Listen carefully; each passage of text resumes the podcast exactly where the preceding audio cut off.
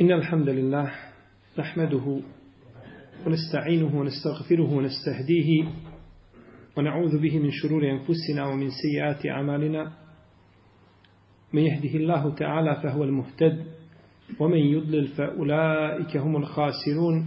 وأشهد أن لا إله إلا الله وحده لا شريك له وأشهد أن محمدا عبده ونبيه ورسوله وصفيه من خلقه وخليله. رب اشرح لي صدري ويسر لي أمري واحلل عقدة من لساني يفقه قولي ثم أما بعد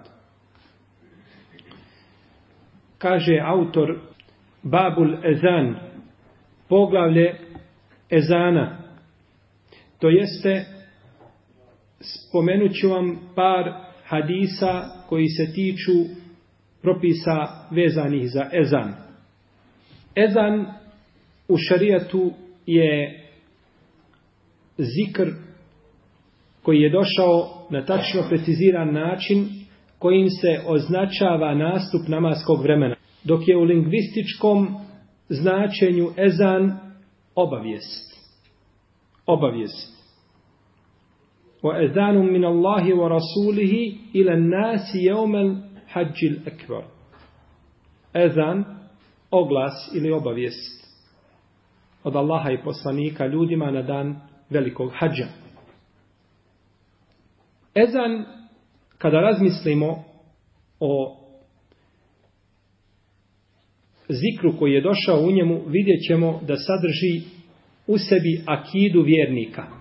Akaid muslimana sadržan je u ezanu. Pa kada kažemo Allahu akbar, Allahu akbar, potvrđujemo time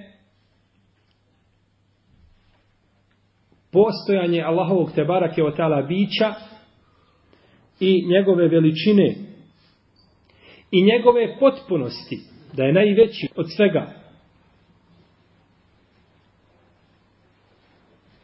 Ešhedu en la ilaha ilallah, to je Allahu vahdanijet. Potvrđujemo njegovu jednoću tebarake keotala.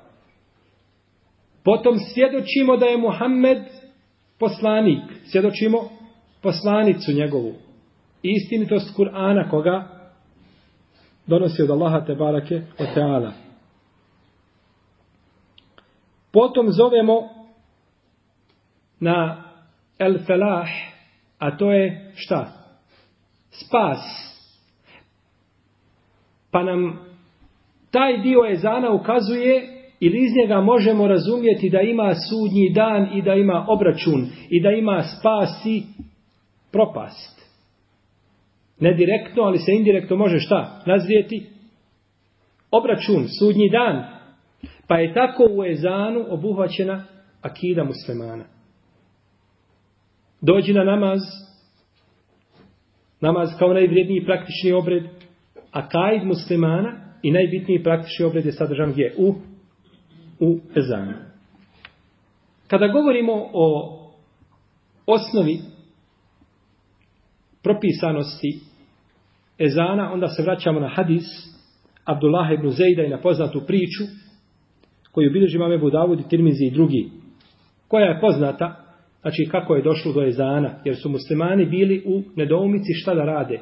Kako da pozivaju ljude na namaz i kako da oglase nastup namaskog vremena, pa su bili razni prijedlozi i razne ideje, no međutim poslanik sallallahu alejhi ve sellem prihvatio ono što su vidjeli ljudi u snu. Što se tiče mudrosti ezana, islamski učenjaci navode nekoliko razloga. Prvo spominju da je u ezanu ispoljavanje islamskih simbola. I zaista kada dođete u jednu sredinu, da su ljudi svi na seđdi u podne, u svojim kućama, vi ne znate da je to muslimanska sredina, odnosno da tu žive muslimani. No međutim, kada čujete ezan, da se uči sa svih strana, onda znate da je ta sredina, znači sredina u kojoj žive ko? Muslimani. Pa je ezan, znači, jedan od velikih simbola, velikih simbola Islama. Potom, ispoljavanje kelimetu tevahid, kelimetu lihlas, la ilaha illallah. Znači, da se javno ta riječ izgovara sa minareta i da se svjedoči Allahom te barake o ta'ala vahdanijetu. Potom ukazivanje na nastup namaskog vremena i mjesto namaza u islamu. Jer se samo znači za islam tako, samo za namaz se oglašava, za taj ibadet znači imamo tu vrstu oglašenja. I četvrta stvar je dova da se dođe u džemat. Dova da se dođe gdje? U džemat. Jer kažemo, hajja ala salah. Idemo, hajmo na namaz. Dođite na namaz ili idite na namaz, idite na spas. Znači, poziva se da se dođe u džamiju, da se klanja namaz u džematu. Što se tiče propisa ezana, tu postoje različita mišljenja kod islamskih učenjaka. Poznato je u šafijskoj pravnoj školi da je ezan sunnet i to je mišljenje Ebu Hanife i Malika po jednoj verziji. No međutim, druga skupina islamskih učenjaka od koji je imam Malik po drugom rivajetu i imam Ahmed i to je mišljenje odabro šehol islam Ibn Tejni od hambelijskih učenjaka i odabro ga je također Ibn Munzir od šafijskih pravnika i to je stava Pa i Mujahida i Rauzaija i Davuda Ibn Hazma kažu da je ezan farz da je ezan obaveza i da se mora učiti. Farz koje vrste? Kolektivne ili individualne? Kolektivne ako je čovjek u džematu. Je tako? A za posebnu osobu opet postoji znači razilaženje među samim islamskim učenjacima. Pa je tako obaveza gdje ima džemat da se uči šta? Ezan. I ezan se treba učiti u prvom vremenu. Nije lijepo, a kada je u pitanju sabah i akšam nije dozvoljeno da se kasni sa ezanom. Jer čovjek koji bi kasnio ujutro sa ezanom, muezin, ljudi će jesti, ali tako i piti, i kada uđu u zoru, pa i može pokvariti njihov ibadet. A isto tako na večer, ako ne uči kada sunce zađe, otežava ljudima. Možda je neko jedva dočekao da sunce zađe, da prekine post, međutim, muezin ne uči ezan. I ja sam gledao, znači posmatrao sam zalazak sunca i džami u obližnju koja je bila gdje se uči jezan, 13 minuta nakon potpunog zalaska sunca se uči jezan. Znači možeš kući sjesti slobodno, iftariti, jesti i tek onda ići u džamiju, na akša. To je otežavanje ljudima i to nije sunet poslanika sallallahu alejhi ve selleme, pa je ulema posebno stroga po pitanju učenja ezana kada je znači sabah i kada je i kada je akša. I ovo je mišljenje obaveznosti jezana odabrao Ebul Walid al-Bađi od malikijskih učenjaka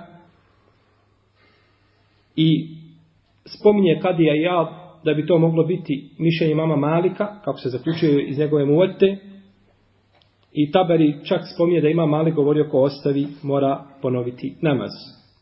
Oni koji kažu da je ezan sunnet, oni kažu tačno došle su naredbe da se uči jezan, no međutim mi imamo hadis koji tu naredbu, koja je kategorič, kategorična, spustaje na niži stepen. A to je hadis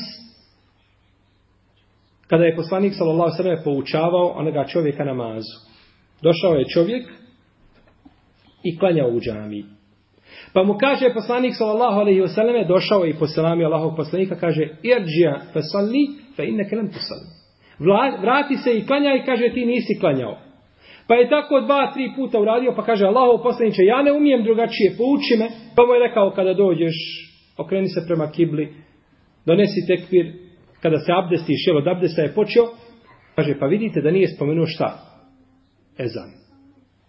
Pa nam ukazuje ova predaja da ezan nije obavezan. Da ezan nije šta? Obavezan. No međutim, kada je poslanik sallallahu alejhi ve poučavao ga sahaba, Je li on grešku napravio ashab u ezanu ili u namazu? U namazu. Pa stoga Allahov poslanik sallallahu alejhi ve nije spominjao ezan ni pitanje ezana i taj čovjek došao u džamiju gdje je obavljen namaz, tako se zaključuje iz hadisa, tako da nimao potrebe spominja čega? Ezana. Pa nije Allahov poslanik sallallahu alejhi ve htio ukazati na znači ezan ovdje, nego je ukazivao kako da obavi ispravno namaz i kaže ako tako učiniš temet salatuk, tvoj namaz je potpuni. Govori o čemu? O O namazu nije govorio znači o prethodnim šartovima, niti o čišćenju odjeće, niti je govorio o čistoći mjesta i tako i tako dalje. Stoga kaže imame Sarhasi u svome dijelu El Mebsud da je rekao imam Ahmed odnosno Muhammed ibn Hasan Šejbani ako ljudi jednog mjesta ostave učenje ezana znači namjerno ostave učenje ezana i kameta halifa će im narediti da ga uče. A ako ustraju u tome i ne budu se htjeli pokoriti onda će halifa halifa povesti protiv njih borbu, bitku, dignuti vojsku protiv njih, kao da su ostali neki vađib ili, ili neki faris. Dok Ata i Mujahid kažu ko, ko ne uči ezan i bude tako klanjao, mora ponoviti namaz. Dok imam Elauzai kaže ponovit će ako ima dovoljno vremena u tome vaktu, protivnom neće. Kaže Ibn Arabi da je poslanik sallallahu sallam samo jedan put proučio ezan i kamet. Znači nije to bio vazifet ili ono što je činio poslanik sallallahu sallam, nego to bila zadaća mu jezina ali kaže jedan put je poslanik sallallahu alejhi proučio je za kamet i to spominje imame neovino. međutim hadis koji se navodi u ovom smislu bilježi imam Tirmizi da je poslanik sallallahu alejhi proučio ezan sa deve i kametno, međutim kaže za hadis a Ibn al-Arabi i kaže također imam Bejheqi i šejh Albani da je hadis da je hadis daif, da je slab nije vjerodostojan Ulema kada govori o ezanu, uglavnom počinju sa odlikama ezana. Autor nije spominjao ovdje hadise koji ukazuju na odlike, nego je odmah spominjao hadise koji ukazuju na propise ezana. Uglavnom, ezan ima brojne svoje odlike. Došlo je u hadisima da čovjek koji bude, kod Buhari i kod muslima, čovjek koji bude učio ezan, da će mu se dočiti i ljudi, i džini, i sve što, dokle dopre njegov glas, da će se dočiti ezanu koga je učio. I došlo je da će mu ezini biti ljudi naj, sa najdužim vratovima na sudnjem danu, I znači došle su drugi hadis koji ukazuju na odlike, na odlike ezana i puno veći su a, i jači hadisi, veći je njihov broj koji ukazuju na odlike ezana u odnosu na predaje koje ukazuju na odluk, odlike imameta. Pa se vodi poznati spor među islamskim učenjacima. Da li je bolji muezin ili je imam? Pa kaže skupina Selefa bolji je ezan, bolji je muezin Zato što muezin poziva Allahu. A uzvičeni Allah kaže وَمَنْ أَحْسَنُ قَوْلًا مِمَّنْ دَعَا إِلَى اللَّهِ وَعَمِلَ صَالِحًا وَقَالَ إِنَّنِي مِنَ الْمُسْلِمِينَ A ko lepše govori od onoga koji Allahu poziva i čini dobra djela i kaže ja sam musliman. Pa je došlo skupine Selefa da su protefsirili ovaj ajet da se odnosi na muezina jer on poziva kome? Allahu. I drugi svi hadisi koji ukazuju na odliku da će biti najdužih vratova što ukazuje na posebnu odliku No, međutim, drugi kažu, poslanik sa osam bio imam.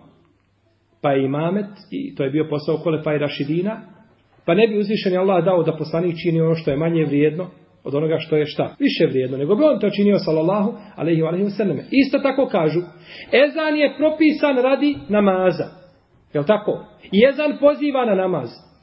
Pa uvijek put ka nečemu ili sredstvo što vodi do nečega nije nikada kao sam cilj, je tako? Uvijek je cilj vredniji od, od sredstva. Tako znači dokazuju, tako dokazuju oni koji kažu da imamet bolji. U svakom slučaju, šta god čovjek da uradi od ovo dvoje, u tome je hajr i u tome je bereket. I poslanik sa kaže, kada bi ljudi znali šta je u prvom safu i šta je u ezanu, natjecali bi se, a man bacali kocke.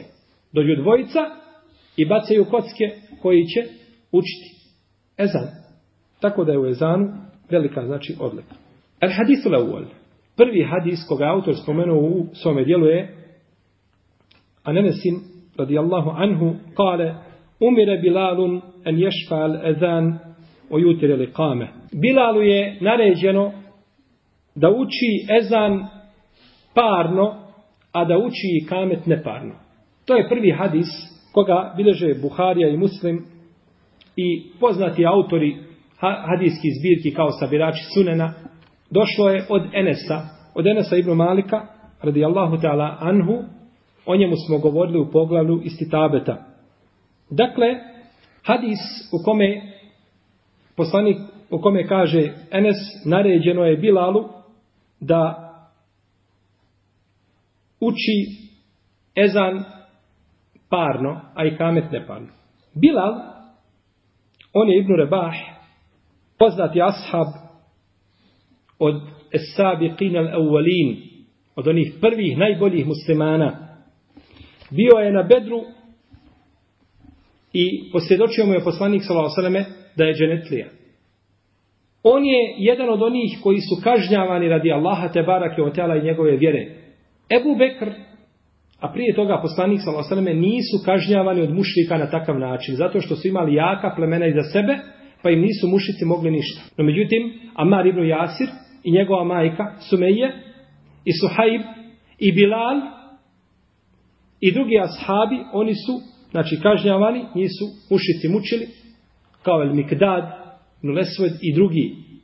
Nisu imali, znači, oni tu zaštitu. Pa su ih izvodili na pustinsku žegu i pjesak, pa su ih tu mučili. Pa su se svi odazvali mušlicima koji su mučeni i kazali su ono što su mušici tražili od njih osim Bilala. Samo Bilal nije pristao da kaže ono što su tražili. Kako stoji u predajama, fe innehu hanet alejhi nefsuhu, smatrao je svoju dušu mizernom i manje vrijednom od toga da kaže ono što mušice žele. Pa nije htio govoriti ono što oni žele. Kada je jedan pjesnik pohvalio Bilala ibn Abdillaha ibn Omara, sina Abdullaha ibn Omara, koji se zvao Bilal, pohvalio ga, kaže, kaže i Bilal, sin ibn Omara je, kaže, najbolji Bilal. Pa mu je rekao ibn Omar, kaže, lažeš. Najbolji Bilal je Bilalu Rasulillah, s.a.v. Bilal, Allahovog poslanika, to jeste, muezin, Allahovog vjerovjesnika, sallallahu alaihi wa alaihi wa sallam. Kupio ga je Ebu Bekr za 40 pregršti određene stvari jel, koju je dao za njega. Kažu tako nam Allah da si nam dao samo jednu pregrešku i ti ga dao. Nikakve vrijednosti nema. Samo ga vodi. No međutim, nakon toga, kako uzvišen je Allah te barak je otala, Kur'anom diže jedne ruke ljude, a kako spusta druge ljude. Baš kako je rekao Rasulullah sallallahu Pa pogledajte Salmana el Farisiju, koji je došao prevaljujući i gore, i planine, i doline, i mora, i rijeke, da bi došao do poslanika sa osreme, i kružio oko njega da vidi pečat poslanstva na njegovom, na njegovom, na njegovim leđima, da prihvati islam, i da bude od onih koje je poslanik sa osreme voli, i koji će biti u džennetu, a pogledajte Ebu Taliba, pored koga je poslanik sa osreme stojao i kaže, Amidža moj, kaže riječi tevahida da ti budem paravanom između tebe i vatre, pa nije kazao. Tako i Bilal Habešija, kako mu je uzvišen Allah te barek o tala uzdigao njegov spomen. Kada je mučen na pijesku, govorio je ahadun ahad, jedan, jedan. To je najviše mušrike ljutilo. Zar je on učinio sve bogove jednim bogom? To oni se nisu mogli pomiriti s tim. Oni su priznavali Allaha te barake o teala kao Boga da ima, no međutim imali su druga božanstva pored njega. Pa se nisu mogli pomiriti sa tom činjenicom. Nisu se mogli pomiriti sa tom činjenicom, pa je vikao ehadun ehad, jedan, jedan, kaže, tako mi je da sam znao riječ koja ih više ljuti, kazao bih je. Znači, samo da me, da me čuju. To je bila, znači, hrabrost od, od Bilala, radi Allahu Teala, anhu. Kaže, imam neuvi da nije nakon smrti poslanika, sa osrme, nikome ujezinio, nije bio nije učio za nije bio mu jezin nikome, da je otišao živjeti u Šam i da je tu preselio. I da se je zabavio džihadom nakon smrti poslanika, sallallahu alaihi wa sallame, no međutim, navodi se u Siri da je Omer mu naredio da uči ezan kada je oslobodio kuc. I kada je Bilal počeo učiti ezan, niko nije od prisutnih bio da nije zaplakao. Svi se sjetili dana poslanika, sallallahu alaihi wa alaihi kada je Bilal pozivao se na namaz. Umro je 20. hijđetske godine, a imao je 60 i nešto godina. Ovdje kaže umire, došlo je u pasivu, naređeno je Bilalu, pa nije spomenut ko? Vršio radnje. Spomenut je objekat Bilal, Komena, ali komu je naredio, naredio nije spomenuto. Pa je došlo razilaženje kod islamskih učenjaka ko je taj ovdje sada naredbodavac? Ko je taj koji naređuje?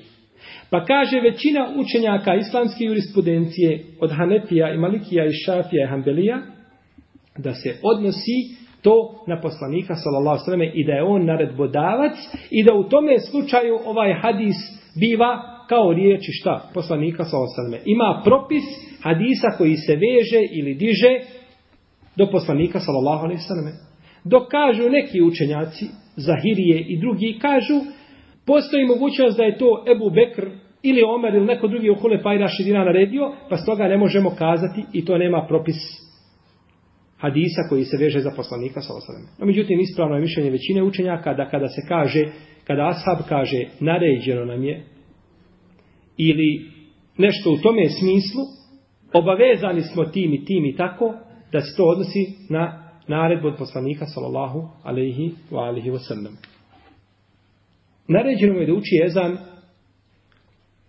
parno i po tome pitanju nema razilaženja osim što ima mali kaže da se na početku uči samo dva tekbira da se uče. Allahu ekber, Allahu ekber. Znači Allahu ekber, Allahu ekber. Da se to uči tako. Pa da čovjek čuje negdje da se tako uči je prolazio da ode u zemlje ne znam Libija pa tamo nadalje Alžir a Maroko da zna da su tu šta? Malikije. I dobar dio, taj znači sjeverne Afrike, su Malikije. Pa da zna, ako čuje tako nešto, znači da se ne iznenadi, da ne misli da je Mojze nešto zaboravio, već je to po, po znači, mezhebu. A da uči i kamet neparno, suprotno znači je zan, da i kamet bude neparan, neparan broj puta, a da bude ezan paran broj puta. Kada kažemo neparan, mislimo većina i kameta će biti neparna, jer kada kažemo, na početku kažemo Allahu ekber, Allahu ekber, to je dva puta. I kažemo kad kameti salah, kad kameti salah, je li tako? Dva puta. Pa znači većina i kameta biva šta? Neparna. Kao što je većina ezana parna, ali opet sam ezan paran. Jer kažemo na početku četiri puta Allahu ekber, je li tako? I koliko puta kažemo la ilaha illallah na kraju? Jedan put. Znači nije sav. No međutim većina ezana biva, većina ezana biva farni. Pa je ispravno da Ezan ima 11 tih rečenica i to je stav imama Ahmeda i drugih učenjaka, većine islamskih pravnika i malikijski učenjaka, ali oni kažu jedan put kad kamet sala. Samo jedan put. Ne kažu dva puta. Što tiče Ebu Hanife, on kaže i kamet je 17 rečenica. Kao kao ezan, više, jer imate dodatak kad kameti salatu, Kad kameti salatu. Pa je pomišljao njebu Hanife, znači ima dodatak. Kaže imam el Khattabi, mezheb većine islamskih učenjaka i ono na čemu su dva harema u Mekke, znači u Medini, i Šam, i Egipat, i Alžir, i druge zemlje gdje žive muslimani, i stav većine islamskih učenjaka da se uči kad kameti salatu dva puta i da se uči i kame, da se uči ovaj i kamet, znači sa 11 rečenica. Ovim hadisom dokazuju islamski učenjaci koji kažu da je ezan obavezan. Kaže, naređeno je Bilalu. A dok je naredba došla za svojstvo, onda je preče da naredba bude za osnovu. Jer ovdje je svojstvo da ezan bude takav. Ako je naređeno svojstvo u određenom obliku, onda je preče da bude osnova naređena, a šta je osnova? Sami ezan. Sami ezan. Kakva je mudrost da i kamet izgovaramo neparno po jedan put, a ezan duplo više parno? Kažu islamski učenjaci zato što ezanom obavještavaš ljude koji nisu u džamiji, nego su negdje daleko zauzeti pijacom, trgovinom, radom, svakodnevnim poslovima, pa mu govoriš dva puta da mu to šta? Uđe u uši i da kaže jeste zaista vrijeme namaza. Dok je i kamet obavijest za ljude koji su šta u? U džami. Već su tu, znači trebaju samo da ustaje na namaz, pa nema potrebe da mu govoriš po dva puta, ali kažeš kad kameti salatu dva puta zato što je, šta je? I kamet je ciljan da ustane šta na namaz. Pa je zato to ponovljeno dva puta. A drugo se uči po jedan put. Osim kazali smo, jel, svakako početnog tekvira koji se ponavlja dva puta, osim kod malikijskih učenjaka. Kada se uči ezan, prave se greške. Prave se greške. Prvo je greška da se kaže da se otegne hemze kada se kaže ešhedu ašhedu da kaže to je biva upitno. Pa onda postavljaš pitanje da li svjedočim da je Allah najveći? Odmah je upitno. Dok se znači otegne prvo hemze kod ešhedu. Isto tako ako se kaže Allahu ekber to je pogrešno jer je to množina od riječi kebrun a to je bubanj Pa je odmah dobilo šta ružno? Značenje. Dobilo ružno značenje. Isto tako da kažemo Hayya ala salah, a ne izgovorimo H na kraju. Hajja ala salah. Kad kažemo Hayya ala salah, pozivamo u džehennem.